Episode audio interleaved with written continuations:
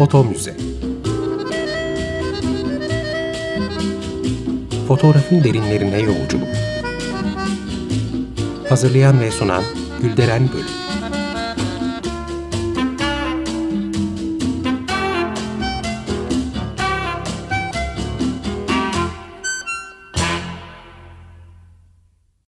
Merhaba Açık Radyo dinleyicileri, fotoğraf tarihçiniz ben Gülderen Bölük. Bir foto müze programında daha karşı karşıyayız. Foto Müze Türkiye adlı Instagram ve Twitter hesabından bizi takip edebilirsiniz. İlk programımızda fotoğrafın ortaya çıkışını, bunu yaratan sebepleri ve bizdeki yansımalarını konuşmuş, dönemin gazetelerinden konuyla ilgili ilk haber ve ilanları aktarmıştım. E, buradan hareketle Türkiye'de fotoğraf tarihi yazımında süreli yayınların önemine vurgu yaparak başka bir kaynak konusuna gelmek istiyorum. Koleksiyonerler ve koleksiyonlar. Sadece fotoğraf alanında değil, hangi konuda olursa olsun özel koleksiyonlar olmadan tarih yazılamaz. Daha doğrusu yazılır ama eksik olur. Hatta size şöyle bir örnek vereyim. Pek yakın zamanda Sabancı Müzesi Rus avantgardı üzerine harika bir sergi düzenledi. Bu serginin bel kemiğini oluşturan eserler tek bir koleksiyonere ait. George Kostakis. Kostakis'in ailesi 1900'lerde Rusya'ya göç etmiş. Burada doğan Kostakis, orta öğreniminin ardından Yunanistan elçiliğinde şoför olarak çalışmaya başlamış. İşi gereği de sık sık yabancı diplomatları, misafirleri eskici, antikacı, gümüşçü gibi yerlere götürüyor. Bu geziler sırasında Kostakis bir gün bir avantgard sanatçının resmine rastlıyor ve alıyor. O zamanlarda Stalin'in dayattığı sosyalist gerçekçilik dışında iş üreten bu avantgard sanatçılarda eserleri de yasaklı. 1932 yılında devrimin 15. yılı sergisindeki işleri nedeniyle hepsi rejim düşmanı ilan ediliyor. Müzelerden eserleri kaldırılıyor, bir, bir kısmı da cezalandırılıyor. İşte George Kostakis 2. Dünya Savaşı'nın yokluk yıllarında herkes karnını doyurmaya çalış, çalışırken elindeki sayılı miktardaki parasını bu sanatçıların eserlerine yatırıyor. Tek tek iz sürerek oldukça da zengin bir koleksiyon oluşturuyor. Ne kadar etkileyici değil mi? Kostakis'in hikayesi çok büyüleyici ama ben e, bu koleksiyonun ortaya çıkış serüvenine hiç değinmeden çıktıktan sonra neler oluyor, neler değişiyor bunu konuşmak istiyorum. Eserler 1981 yılında New York'ta Guggenheim Müzesi'nde sergilendiğinde sanat camiası ayağa kalkıyor ve tüm uzmanlar, eleştirmenler fikir birliğiyle şunu söylüyor. 20. yüzyıl sanatı yeniden yazılmalı. İşte koleksiyoncuların tarihçelere sunduğu bu maddi izler oldukça önemli. Bunu kendimden bir örnekle devam ettireyim. Naciye Hanım Türkiye'nin ilk profesyonel kadın fotoğrafçısı. Kendisinden önce amatörler var tabii. Naciye Hanım 1919 yılında İstanbul Beşiktaş'ta bir stüdyo açarak çalışmalarına başlıyor. Sonrasında da Beyazıt'a taşınarak faaliyetlerini orada sürdürüyor. Kızı Nedret Ekşigil'le e, vefatından önce yapılan tüm röportajların sonunda araştırmacılar şuna karar veriyor. Naciye Hanım fotoğraflarına damga basmadığı için çektiği fotoğraflar günümüze ulaşsa bile bu tespit bunu tespit etmek mümkün değil.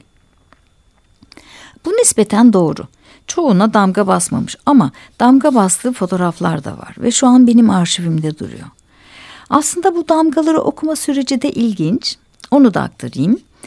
Ee, ben 2000 yılından itibaren önemli bulduğum ve hoşuma giden fotoğrafları bütçem nispetinde satın alıyorum. E, fotoğraf toplamaya başladığım ilk yıllarda bıkmadan, usanmadan bit pazarı, sahaf, antikacı gezip durdum. Daha nadir de olsa müzayedelerden de alıyordum tabii. Ama bahsettiğim mekan, e, mekanlarda hem daha ucuzdu hem de bol miktarda olduğu için sabahtan akşama kadar fotoğraf karıştırma hoşuma gidiyordu. Aldığım bu fotoğrafları da eve gelince fotoğrafçısına ya da konusuna göre dosyalıyordum.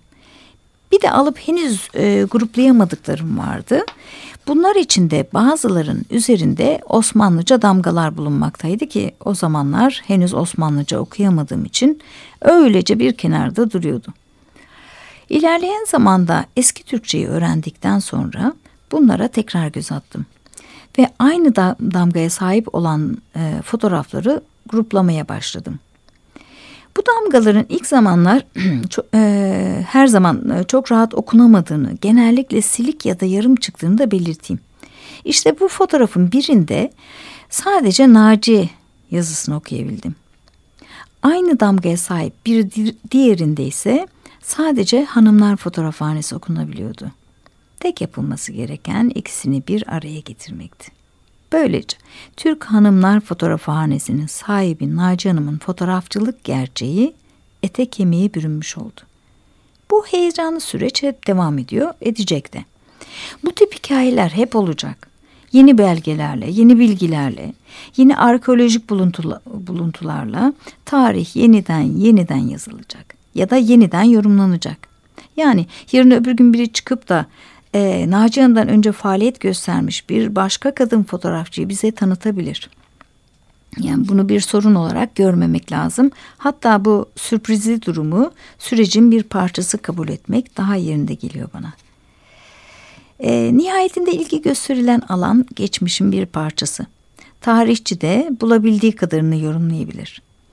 Ee, özellikle arkeolojik buluntularda bunu anlamak daha kolay ve daha da sık tanık oluyoruz. Yeni bulunan bir antik kent, bir tümülüs, bazen ufak bir kalıntı bile insanlık tarihini binlerce yıl geriye atmakta. Bir anlamda fotoğraf tarihçisiyle arkeoloğu birbirine benzetebiliriz. Biri toprak altından bulduğu parçaları değerlendirip bağlamını oturtuyor, diğeri de toprak üstünden. Nasıl ki kırık bir terakota parçası bulunan ve görünenden fazlasını ifade ediyorsa, Fotoğrafa dair her efemera, her kalıntıda görünenden fazlasını temsil eder. Her ikisi de geçmişin anlaşılmasını sağlayan önemli ipuçları barındırır. Örneğin bir arkeolog bir parça terakotayı inceleyerek kullanılan çamurun yapısını, nasıl bir kabın parçası olduğunu, e, yüzey görünümünü, pişirme ve biçimlendirme tekniklerini bulur. Buradan devamla e, kullanıldıkları çağın ve o çağda yaşayan toplumların ihtiyaçlarını, beğenilerini, ulaştıkları e, teknoloji düzeyini, farklı toplumların birbiriyle olan ilişkisini, sosyal ve etnik farklılıklarını, yaşadıkları bölgenin sınırlarını ve yaşam süreçleriyle ilgili pek çok veriyi de bulmuş olur. Aynı yaklaşımla fotoğrafa dair bir belge de dönemin fotoğrafçıları fotoğraf anlayışı hakkında pek çok bilgiyi içerebilir. Yanı sıra dönemin teknikleri, kullanımda olan fotoğraf malzemeleri ve sanayisi, dönemin dili ve beğenileri, toplumsal sınıflar arası farklılıkları ve daha pek çok şeyi bunlar üzerinden okuyabiliriz. Bu örnekler çoğaltılabilir tabii ama ben gene başlığa dönmek istiyorum.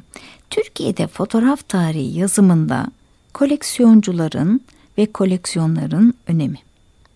Önemli olduğu için de bu konu sık sık gündemimizde olacak ve benim de üyesi bulunduğum koleksiyon kulüp çatısı altında bulunan birçok tatlı, çılgın, çocuk ruhlu ve ilginç kişi burada konuğumuz olacak. Kendileriyle bol bol sohbet edeceğiz ve koleksiyonculuğun önünü arkasını eni boyu tartışacağız. Şimdi fotoğraf alanındaki koleksiyonlara dönersek. Fotoğraf tarihi yazmak için en önemli belge şüphesiz ki fotoğrafın kendisi. Ancak fotoğraf diğer tüm maddi kültür, kültürler içinde biraz daha özel bir yere sahip. Çünkü gerçeğin temsili sayılan bir görüntüyü de taşıdığı için. Bu foto fotoğrafik görüntü tek katmanda okunamadığı gibi görüntüyü taşıyan kağıt, cam, metal gibi nesneler de tek katman dokunamaz. Fotoğraf dediğimizde ikisi bir bütün olarak akla gelebilir ama bunları ayrı ayrı değerlendirmek gerekir. Gerçi şimdi dijital çağdayız. Artık fotoğrafik görüntü bir e, taşı, taşıyıcıya ihtiyaç duymuyor. Onları bulutlarda bile saklayabiliyoruz. Ama fotoğrafın antik çağında üretilmiş her taşıyıcı birer kültür nesnesi olarak bizim için bir anlam ifade ediyor. Biraz daha açalım.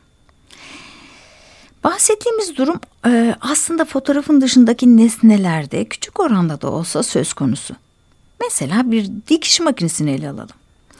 Bu dikiş makinesi şu an için sadece dikiş makinesi olarak görülebilir. Ama ilk kullanımı çıktığı yıllarda zenginliği de sembolize etti, kadınlığı da. O yıllarda faaliyet gösteren bir stüdyoda makinesinin başında dikiş diken bir kadın portresi bizim aklımıza böyle bir ilişkiyi getirebilir. Üstelik koca dikiş makinesi eğer stüdyonun kendi malıysa demek bunu aksesuarlar ya da dekorlar arasına koymaya değer bulmuş. Yok eğer poz veren kadına aitse o makine oraya niçin ve nasıl taşındı sorusu daha da ilginç. Böylesi yan anlamlar fotoğrafta sıklıkla karşımıza çıkar ve onu yorumlamak bakmanın ötesinde bir birikim gerektirir. Tıpkı matruşka bebekler gibi tek tek açılıp değerlendirilmeli. Ancak bazı zamanlar fotoğrafçının niyetiyle ona bakanın gördüğü, algıladığı şeyler farklılaşabilir. Hatta bazen çelişebilir. Gerçeğin temsili sayılan fotoğraf olgusunda yaşanan bu durum aslında gerçekliğin kendisinde de belli ölçüde var. Bazen hepimiz aynı olaya tanık olmuş insanların farklı şeyler gördüklerine, daha doğrusu algıladıklarına şahit olmuşuzdur. Bunlar izleyicinin izlenimidir, özneldir. Bu açıdan bakıldığında fotoğraf okumak eğlenceli olduğu kadar tehlikeli de olabilir. Ancak yine de fotoğrafik görüntünün nesnesini aşamadığı durumlar var. Maddi bir kültür olarak e, kendi nesnesi kadar taşındığı, e, taşıdığı görüntü olarak da. Bazen gerekiyorsa imgeyi en basit, en dıştaki, en görünen verilerle ifade ederek kendimize sınır çizmeliyiz. Yan anlamlara sapmadan, derinlere inmeden. Yani emin olmadan matruşkayı açmamak gerekebilir. Bunu bir örnekle açıklayalım. Mesela Naci Hanım'ın fotoğrafını ele alalım. Kartpostal büyüklüğündeki bir fotoğraf kartının üzerindeki damga bize bunun Naci Hanım'ın stüdyosundan çıktığını ispatlar. Kartın üzerindeki fotoğrafik görüntüye gelirsek ve örneğin bu ağlayan bir çocuk port portresi ise sadece bunu tanımlayabiliriz. Ya da ışığın nasıl kullanıldığını, fotoğrafın, fotoğrafın e, ne tip bir teknikle üretilmiş olduğunu söyleyebiliriz. Fakat o dönemde ailelerin çocuklarına ilgi göstermediğinin ya da şımarmasınlar diye sadece uyurken sevdiklerinin bir kanıtı gibi, gibi gösteremeyiz elbet. Bunu söyleyebilmek için başka veriler gerekir. Tarihçi ya da araştırmacı burada başka fotoğraflara ya da başka belgelere ihtiyaç duyar. Bu bakımdan emin olmadığımız noktada kendimizi temel okumayla sınırlamak yerinde olur. Şimdi fotoğrafın kaç katmanda inceleneceği konusunu daha sonraya bırakarak e, başka ne tip koleksiyonlardan faydalanabiliriz bunu konuşacağız. Ama önce küçük bir müzik arası veriyoruz sevgili dinleyiciler. Sonra kaldığımız yerden devam edeceğiz. Los Desterados'tan bir seçim yaptım. Avretu Puerta Serrada.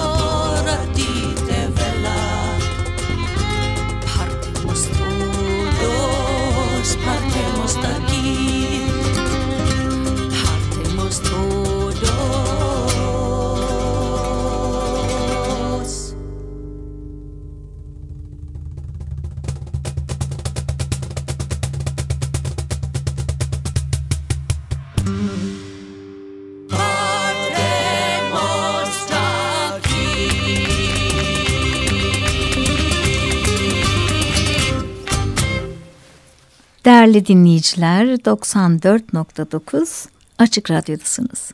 Fotoğraf tarihi yazımında özel koleksiyonların ve koleksiyoncuların önemine değindik ve fotoğraflardan söz ettik. İster bir kuruma ait olsun, isterse bir kişiye. Fotoğraflar vazgeçilemezlerden. Bu arada şunu da söylemek yararlı olabilir. Fotoğraf bakmak için sadece fotoğraf koleksiyoncularına değil, örneğin e, oyuncak konusunda birikim yapan kişilere de baş, başvurabiliriz. Pekala da kendilerinde oyuncaklı çocuk fotoğrafları olabilir. İçlerinden birkaçı da bizim aradığımız stüdyoya ait olabilir. Tabi burada e, tersten de bir okuma yapabiliriz. Bir oyuncak koleksiyoncusu için sizin elinizdeki fotoğraflar da bir hazine değerinde olabilir. Peki fotoğrafın dışında ne tip koleksiyonlar işimize yarayabilir diye sormak istiyorum ve hemen cevaplayayım. Efemera toplayan kişiler de bizim için doğru adres. Nedir efemera? Kısa ömürlü gündelik yaşam objeleri. Biraz daha açalım. Mesela gittiniz, kendinize bir telefon aldınız. Bunun fişi, faturası, kullanım kılavuzu, kutusu efemerik malzemedir. Yanı sıra her türlü bilet, broşür, zarf, mektup, noter senedi, sigara kağıdı, çiklet çikolata ambalajı, toto, loto kuponları, efendim davetiyeler, kart vizitler de bu sınıfa girer. Hatta diplomaları ve pasaportları da kısa ömürlü materyaller olmamasına rağmen e, efemerik sınıfa dahil ediyoruz. Bu anlamda efemera dediğimizde gündelik geçici yaşam objelerinin yanı sıra her türlü yazılı basılı kağıdı da bu tanımın içine dahil edebiliriz. Peki gazeteler ve dergilerde efemera mıdır? Sayılabilir. Öyle kabul edenler de çok. Ama bence gazete ve dergiler kitaplar gibi ayrı bir kategoride değerlendirilebilir. Gerçi de, ne dediğimizin de çok önemi yok. Üzerinde durulması gereken bunlardan nasıl faydalandığımız. Mesela fotoğraf zarfları e, üzerinden konuşalım. Bunlardan küçük ya da büyük bilgiler ediniriz. Hatta şöyle ifade etmek daha doğru olacak. Bazen bu ufacık bilgi kırıntıları araştırmada bir düğümü çözüverir. ya da diğer e, verilerle bağlantıyı kurmayı sağlayarak çimento görevi görür. O zaman görece küçük diyebileceğimiz bilgi çok önemli bir hale gelir. Ya da bizim için bir hareket noktası olabilir, bir doğrultu gösterebilir. Bazı çıkarımlarımızın ispatı olabilir. Buradan devamla örnekleyelim. Fotoğraf zarflarında genel olarak stüdyoların isimlerini, adreslerini, e, devir alındıysa stüdyonun önceki ismini ya da sahiplerini, kazanılan bir ödül var ise bunların detaylarını, o dönemde kullanılan filmleri, fotoğraf makinelerini ve tekniklerini takip edebiliriz. Ayrıca üzerinde o günün tarihi varsa bizim için faydalı olabilir. Örneğin fotoğrafçıların faaliyet gösterdikleri zaman dilimlerinde bir muğlaklık varsa bunun netleşmesini sağlayabilir. Hakeza faturalarda öyle. Ee, ilave olarak eğer faturanın kesildiği şahıs tanınan birisi ise araştırmaya başka bir boyut katacaktır. Bu fatura ne tip işler için kesilmiş? Fotoğraftan nasıl yararlanılmış? Eğilimler ne yönde? İster bir kuruma kesilmiş olsun ister bir şahsa fatura bedeli ne kadar? Bu para miktarı bize neler anlatabilir gibi soruların cevabı da araştırılmalı. Tek yapmamız gereken fatura toplayan koleksiyonerlerle temasa geçmek. Yanı sıra efemerik malzemeler içinde varsa mektuplar ve anı defterleri de harika olur tabii. Bunlar o fotoğrafçıların duyguları, karakterleri ve yaşamları ile ilgili öznel bilgiler verir ki eğer bir akrabasına veya yakınına ulaşamamışsak başka hiçbir yerden elde edemeyeceğimiz bilgilere ulaşmamızı olanaklı kılar. Değerli izleyiciler, e, şimdi sizlere süremiz el, el verdiği ölçüde koleksiyonumdan seçtiğim fotoğraf zarflarından örnekler vermek istiyorum. Instagram e, hesabından da Twitter hesabından da takip edebilirsiniz bu görselleri. Ama ben yine de açıklayacağım. E, şu an ilk örnekte samanlı kağıttan bir zarf var önümde ve bu bildiğimiz klasik mektup zarfı boyutlarında. Üzerinde kırmızı mürekkeple basılmış şu yazı var. Ar foto. Parantez içinde eski foto Fransa yazıyor. Bu satırın altında ise sahibi Cezmi, film operatörü. Onun altında Cumhurbaşkanı Atatürk ve Bakanlar Kurulu üyeleriyle Türkiye Cumhuriyeti ileri gelenlerine ait fotoğrafların satış yeri. Altındaki satırda da iletişim bilgileri var. İstanbul Beyoğlu İstiklal Caddesi. Evet, zarfta sadece bunlar yazıyor. Şimdi biraz bu bilgileri deşelim. Bu stüdyo yani Foto Ar, ünlü görüntü yönetmeni Cezmi Ar'a ait. Kendisi Muhsin Ertuğrul'un tüm filmlerinde de görüntü yönetmeni olarak görev aldı. Devraldığı stüdyonun Foto e, Fransa olduğu yazıyor. Bu stüdyo ise uzun yıllar ülkemize fotoğraf hizmeti sunan Jean Weinberg'e ait. Weinberg önemli işler ortaya koymuş, önemli bir figür. Cumhuriyetin filizlendiği yıllarda fotoğraf dünyamıza damgasını vurmuş bir başka isim Otmar, Otmar Ferşi de 1926 ve 31 yılları arasında Weinberg'in yanında çalışmıştır. Demek ki bu stüdyoyu Cezmi Ar devralmış. Güzel bir detay, bir hareket noktası. Hmm, ikinci örneğimiz devam edelim. Jean Weinberg'e ait bir zarf seçtim. Yine mektup zarfı ölçülerinde gri mavi arası bir renkte bir kağıt seçilmiş ve üzerine kırmızı mürekkeple yazılmış.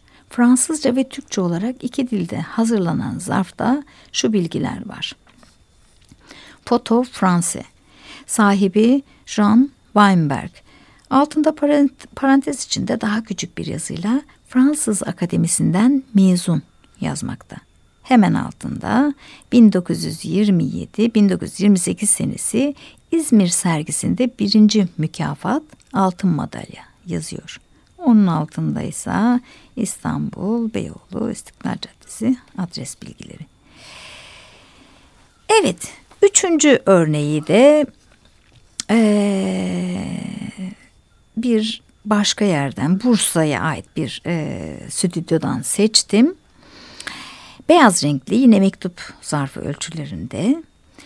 Üzerinde oldukça büyük bir şekilde foto şahap yazıyor. Altında şahap yıldız. Her nevi artistik fotoğraflar, kara kalem ve yağlı boya agran, e, agrandizmaları fevkalade itina ile yapan yegane müessesedir yazıyor. Alt satırda adres bilgileri var. E, Atatürk Caddesi, Cumhuriyet Alanı, Heykel Karşısı, Bursa. Bursa tarihi için küçük güzel bir renk olabilir. Sanırım süremiz doldu. Aslında başka zarflar da hazırlamıştım ama burada bitirmek zorundayım. Hepinize sağlıklı, güzel bir gün diliyorum. İyi günler. Foto Müze Fotoğrafın derinlerine yolculuk. Hazırlayan ve sunan Gülderen Bölüm